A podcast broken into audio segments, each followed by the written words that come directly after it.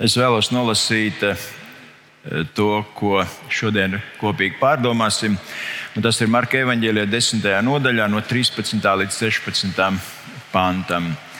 Eh, šis eh, teksts arī ir līdzīgi sinoptiskos evanģēlijos, un tur lasām šos vārdus. Un tie, tas ir vecāki, atnesa bērniņus pie Jēzus, lai viņš tos aizskartu, bet mācekļi tos aprāja. Bet Jēzus to redzēdams, apskaitās un tiem sacīja: Laidiet bērniņus pie manis, neliedziet tiem, jo tādiem pieder Dieva valstība. Patiesi es jums saku, kas Dieva valstību nedabū kā bērniņš, tas nenāks tur iekšā. Un Jēzus tos apkampa, rokas tiem uzlika un tos svētīja. Āmen. Kungs svētī, kad mēs tavu vārdu lasījuši, to gribam saprast, pārdomāt un dzīvē piepildīt. Āmen.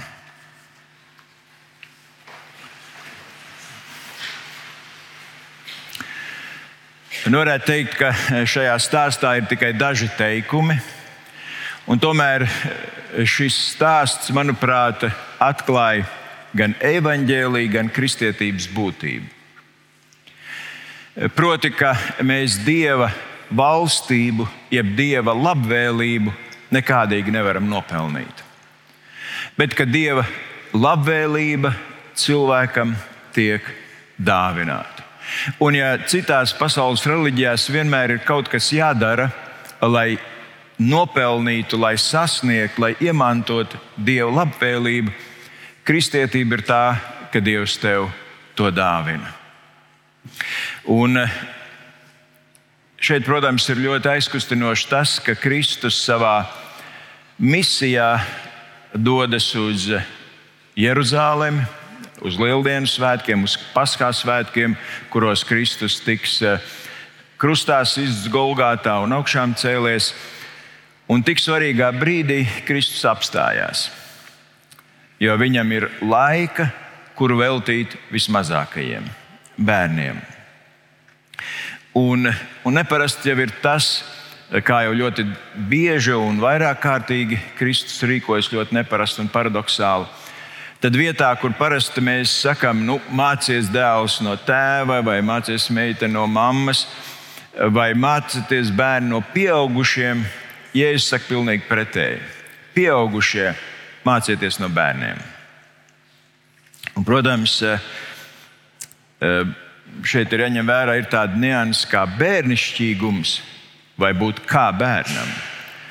Un, protams, man liekas, ka der jau arī savu, lai, eh, savu laiku vai vietu būt arī pieaugušam bērnišķīgam, īpaši ar bērniem. Bet Jēzus šeit runā par to, ka būt kā bērnam.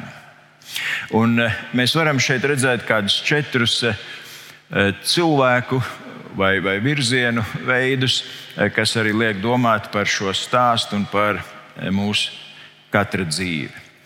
Un tātad vispirms mēs šeit redzam vecāki. Vecāki, kas vēlas bērnam dot to vislabāko. Tā ir dzīves axioma, ka, ka vecāki vēlas, lai viņu bērniem dzīve būtu vieglāka, lai tā būtu kaut mazliet labāka kaut mazliet mierīgāka, drošāka. Vecāki vēlas, lai bērniem viņu dzīve būtu laimīga, lai tā būtu izdevusies. Un pat ja bērni ir pieauguši un viņi apprecās, un viņiem pašiem ir savi bērni, vienalga vecākiem viņi paliek bērni, par kuriem vienmēr domā, lūdz un raizējas. Mēs gribam bērniem dot to vislabāko. Ir tāds teiciens, ka ka bērni spēlējās pie tām durvīm, aiz kurām dzīvo labi cilvēki. Mēs gribam dot bērniem to vislabāko, bet jautājums, kas ir tas labais, ko mēs bērniem varam dot? Nu, pēc neilga laika sāksies skola, un, protams, tagad vecāku rūpes ir par to, kā bērns sagatavot skolai. Un varētu teikt, ka tas pirmais virziens, kas aizņem vecāku rūpes un prātus, ir kā bērns nodrošināt materiālu. Un skaidrs, ka katrs bērns, kas ienāk ģimenē, to kopējo materiālo situāciju nevis uzlabo, bet pasliktina. Un skaidrs, ka rūpēties par materiālām lietām, par bērnu labklājību ir svarīgi. Un, un būs jāgatavo kāda, jāsagatavo kāda mācības līdzekļa, tur kāda apģērba vajadzīga, droši vien varbūt kāds jaudīgāks dators vai telefons, un ja vēl ir sporta vai mūzikas, mākslas nodarbības, tur vēl nāk kādi izdevumi. Varētu sacīt, ka bērns ir dārgs. Un tas eh, spēlē lielu lomu vecāku rūpēs par to, lai nodrošinātu bērnu labklājību. Bet tā vēl nav visa labā došana bērniem. Eh, vecāki ļoti vēlas, lai bērni būtu sagatavoti dzīvei, un tāpēc ir lielas rūpes par izglītību. Un, eh, un ir tāds vispār pieņemts eh, princips, ka nu, laba nākotne nozīmē laba izglītība. Tas, ko visbiežāk vecāki, tad, kad bērni ir izauguši, un tad ja viņiem prasa, nu, ja būtu iespējams pagriezt atpakaļ to laiku, un, un ko jūs darītu citādāk, tad lielākā daļa vecāku saka, es veltītu vairāk laika saviem bērniem. Un to, ko pieaugušie nožēlo, ka viņi ir tik daudz kārt par maz veltījuši laiku saviem bērniem ir bijis darbs, ir bijis pienākumi, mūža diena kaut kas neatliekami jādara un uz bērnu rēķina. Laiks, ko mēs varam veltīt saviem bērniem, ir tik ārkārtīgi nozīmīgs. Bet šeit, šajā stāstā, mēs redzam to, ka aiz materiālā, aiz kādas izglītības vai, vai laika, ko mēs pavadām, ka šeit vecāki atveda savus bērnus pie Jēzus, lai viņš pieskartos. Un tajā laikā, tajā tradīcijā, par ko mēs šeit lasām, bija pieņemts, ka parasti, tad, kad bērns sasniedz gada vecumu, tad viņi atkal aizved uz templi vai sinagogu, kur rabīns vai draugs vecais vai kāds garīgs mācītājs uzlika bērnam rokas un viņu svētīja. Un, un bija arī tāda tradīcija, ka lieldienās, ja paskās svētkos, kur bija daudz un dažādi rituāli un, un zinām kārtība, atcerējoties un pieminot iziešanu no verdzības Eģiptē. Bet tur bija kāds brīdis, kad arī ģimenes galva vai, vai tā saimnes vecais kādā brīdī uzlika rokas un sveitīja bērnus šajos svētkos. Tā, tā bija tāda ierasta lieta. Pārsvarā gan mātes veda šos bērnus, lai sveitītu.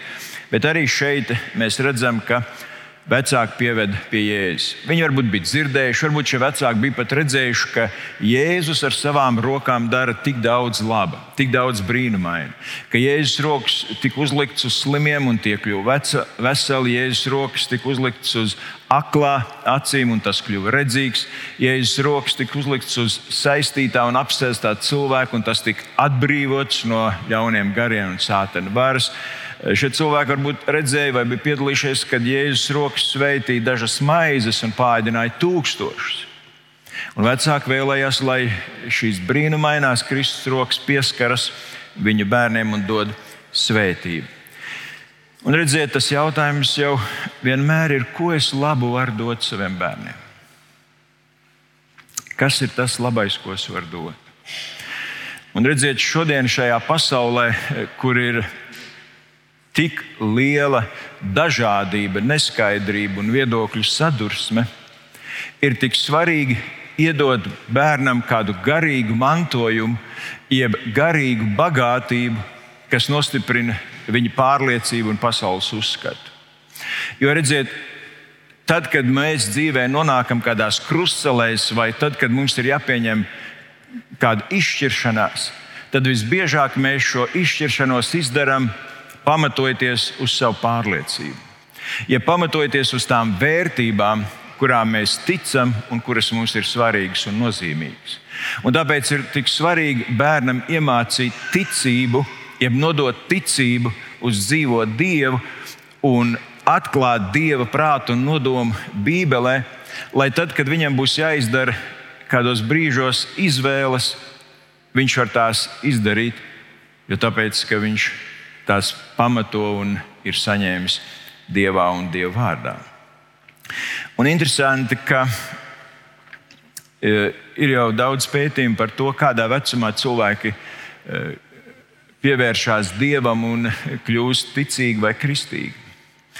Un izrādās, ka 85%, 85% par kristiešiem kļūst vecumā no 5 līdz 14 gadiem. 85% par kristiešiem kļūst vecumā no 5 līdz 14 gadiem. Un pēc 30 gadiem par kristiešiem kļūst tikai 4%. 4% pēc 30. Redziet, cik ārkārtīgi liela atbildība ir vecākiem, pieaugušiem un arī mums kā draudzēji. Un cik dažkārt varbūt mums kādreiz kaitina, ka tur bērni ir skaļāk vai, vai, vai tur staigā vai jaunieši mazliet e, citādāk nekā mēs. Bet redziet, tas ir tas laiks, kad viņi savu dzīvi var uzticēt Kristum. Un tāpēc, e, ja mēs gribam saviem bērniem vai mazbērniem patiesi kaut ko labu, tad mums ir jāparāda ceļš pie Kristus jāparāda ceļš pie Dieva. Tātad vecāki vēlējās labu un pienesa bērnus pie Jēzus. Un tad ir mācekļi. Par mācekļiem varētu teikt, mēs zinām, kas ir labi. Un tad mēs lasījām, ka mācekļi nelaida vecākus ar bērniem pie Jēzus. Vecāki gāja pie Jēzus, jo viņi gribēja labu saviem bērniem. Mācekļi nelaida viņus pie Jēzus, tāpēc ka viņi arī gribēja labu. Un te mēs redzam ļoti klasisku arī šodienas situāciju, ka tur, kur ir bērni un pieaugušie, tur ir dažādi izpratni par to, kas ir labs.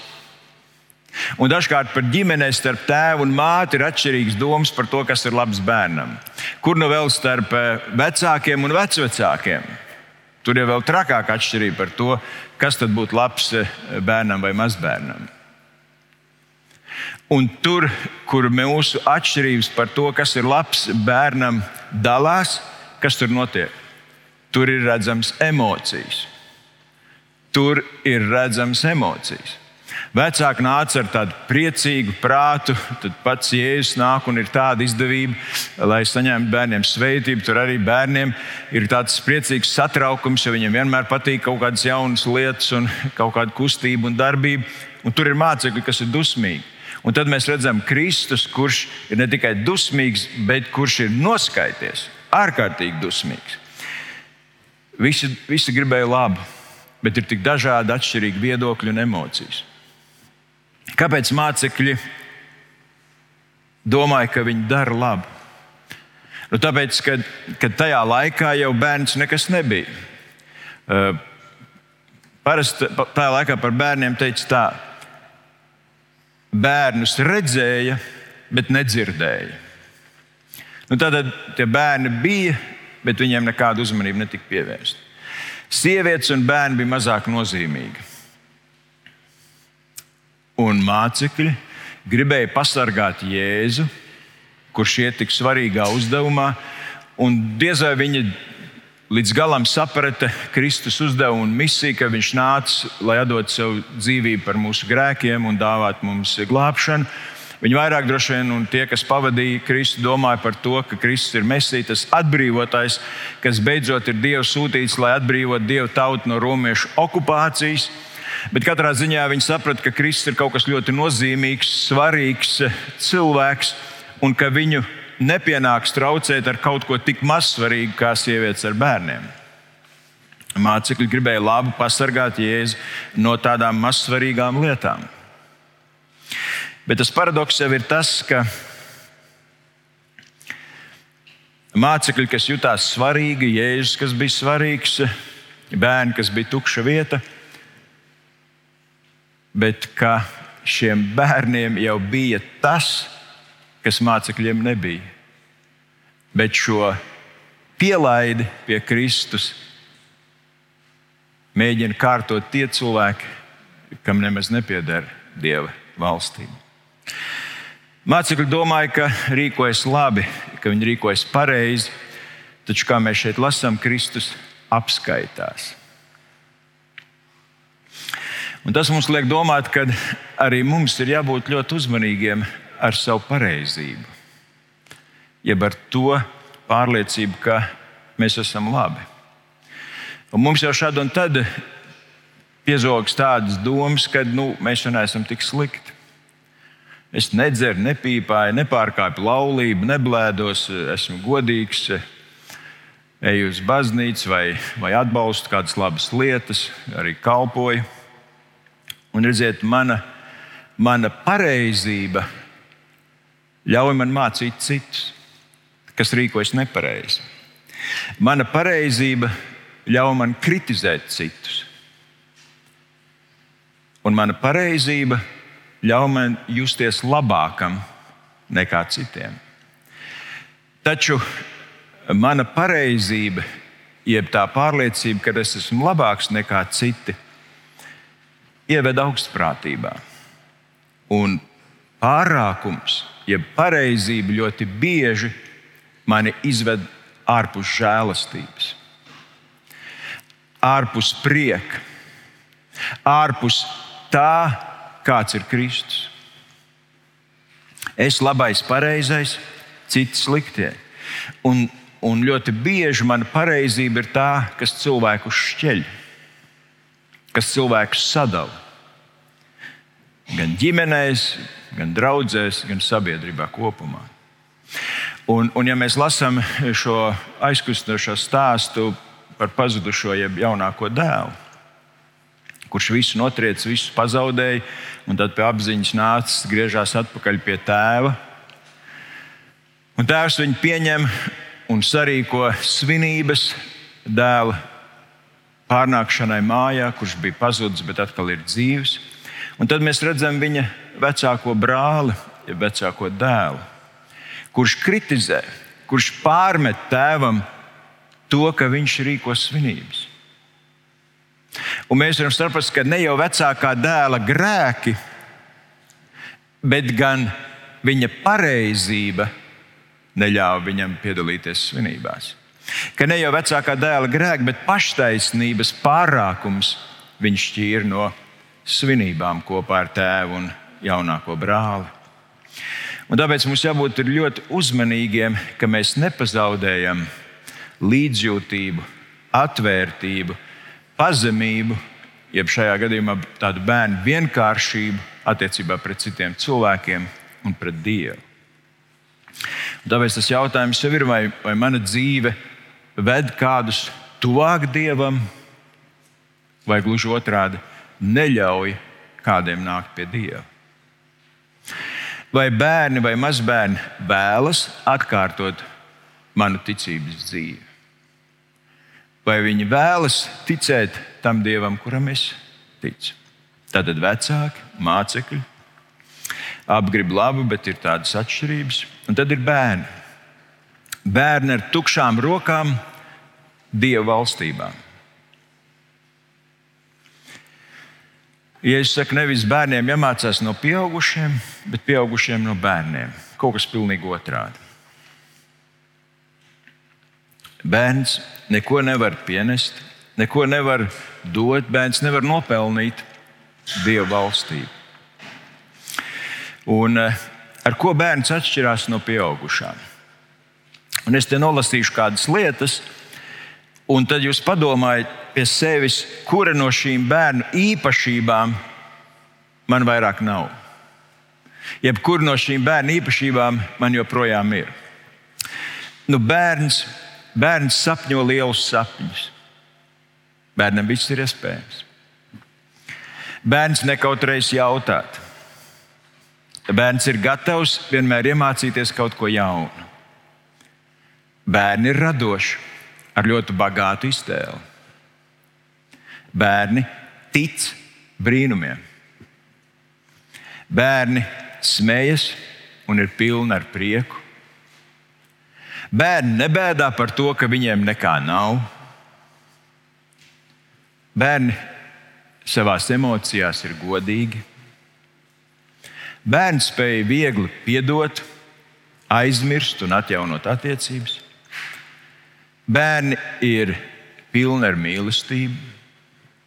bērni ir nevainīgi un šķīsti. Bērni uzticās un paļaujas. Bērni ir spontāni, aizrautīgi. Nu, varētu vēl daudz ko turpināt.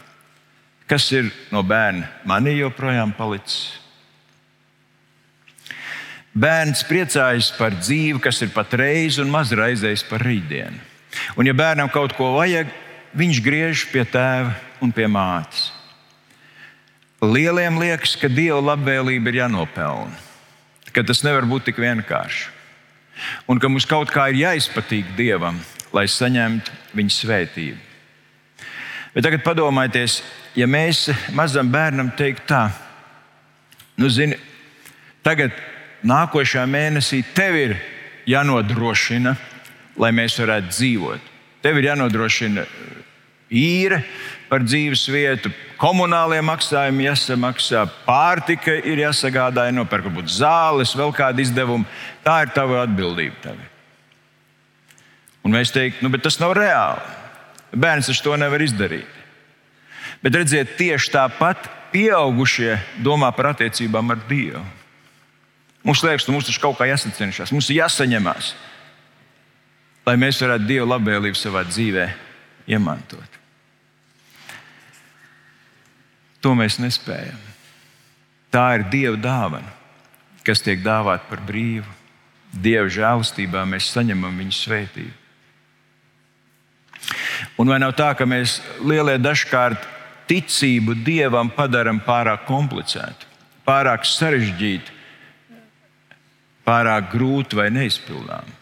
Mums pietrūkst šīs bērna vienkāršības, mums pietrūkst mazāk lepnuma, bet patiesa uzticēšanās un paļaušanās uz Dievu. Bērnam nekā nav, bet Dievs viņam dod visu. Un bērniem pieder Dieva valstība ne jau tāpēc, ka viņiem kaut kas ir, bet gan tāpēc, ka viņiem nekā nav. Un tā ir Dieva mīlestība un žēlstība dot Dievam tiem, kam nekā nav. Kas būtu jāmācās man no bērna? Un visbeidzot, mēs redzam Jēzu. Un Jēzus saka, neliedziet un laidiet bērniņus pie sevis. Jēzus bija apskaities, tad ļoti dusmīgs. Īstenībā Divas reizes tikai jaunā derībā ir pieminēts, kur Jēzus ir tik ārkārtīgi dusmīgs, jeb apskaities. Tas ir šajā situācijā, un otrā ir, kad viņš no tempļa izdzen ārā naudas miejas un pārdevējs un, un saka, nu, ko jūs šo. Šim templim bija jābūt lūkšanas namām, un to es pārdevuši ne par tirgošanās un slepkavu. Un, un, un, tā. un tad Jēzus arī ļoti apskaities. Un Jēzus šeit divreiz saka vienu un to pašu. Viņš saka, laidiet bērnus un neliedziet tiem. Tad ārkārtīgi svarīgi viņš uzsver to, ka bērniem ir šiem vismazākajiem ir Dieva valstība. Ka tie ir visvērtākie, ka tie ir dārgi. Un redziet, Jēzus vienmēr dod vairāk nekā mēs lūdzam un ceram. Vecāki vēlējās, lai Jēzus pieskarās. Jēzus viņus apkampja, apmīļoja, paņēma klēpī un svētīja. Atcerieties, kad pie krusta, kad viens no ļaudariem saka, Kristum, Kristu piemini mani, Kungs piemini mani, kad tu būsi paradīzē. Piemini mani. Un ko Jēzus saka? Šodien, šodien tu būsi Tu būsi ar mani paradīzē. Un arī šeit vecāki gribēja tikai pieskarties, bet Jēzus viņus svētīja. Un redziet, Jēzus vienmēr dod vairāk nekā mēs domājam. Jēzus dod svētību šai zemes dzīvei, un Jēzus dod dieva valstību mūžībā. Jēzus dod svētību šai dzīvei un dieva valstību mūžībai. Un mēs jau lasījām tur tālāk par šo jaunekli, kurš arī nāca pie Jēzus un teica, kā lai iemanto mūžīgo dzīvību. Un Jēzus viņu pat iemīlēja. Un mēs redzam, ka, ka, ka viņš daudzajā ziņā bija ļoti labs. Viņš bija morāli, ētiski, nu, paraugs cilvēks. Viņš arī ir reliģiozs, kurš bija turējis visus baušļus, visus galvenos eh, ticības principus. Un viņš bija materiāli veiksmīgs, nodrošināts, bagāts. Bet mēs redzam, ka pat tik ētiski, morāli, reliģiski un materiāli labs cilvēks ir nepietiekošs Dieva valstībai. Ka mācekļi pat sabijās, bet kas tad vispār var ietikt? Un redziet, Dieva valstība nav lepniem vai, vai, vai neatkarīgiem. Dieva valstība nav veseliem, stipriem, Dieva valstība nav bagātiem, ietekmīgiem.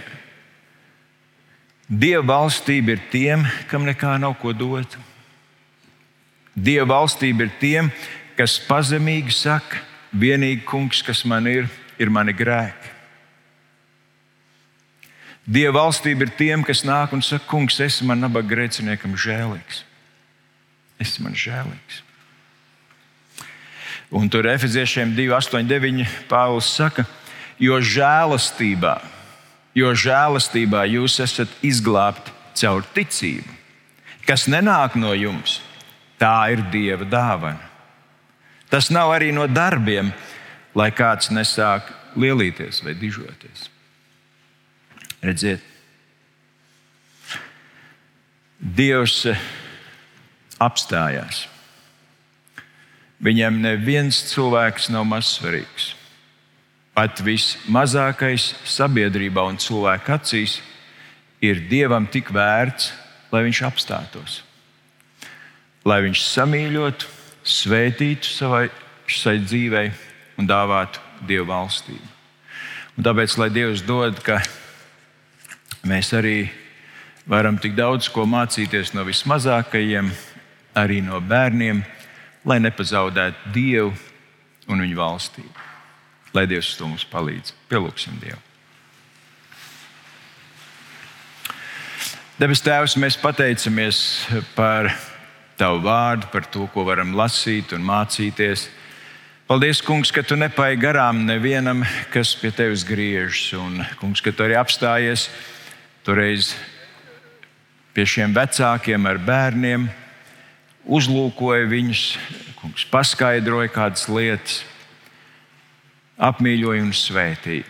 Un Dievs palīdz arī mums mācīties no bērniem šo dzīves vienkāršību, paļaušanos, uzticēšanos Tev.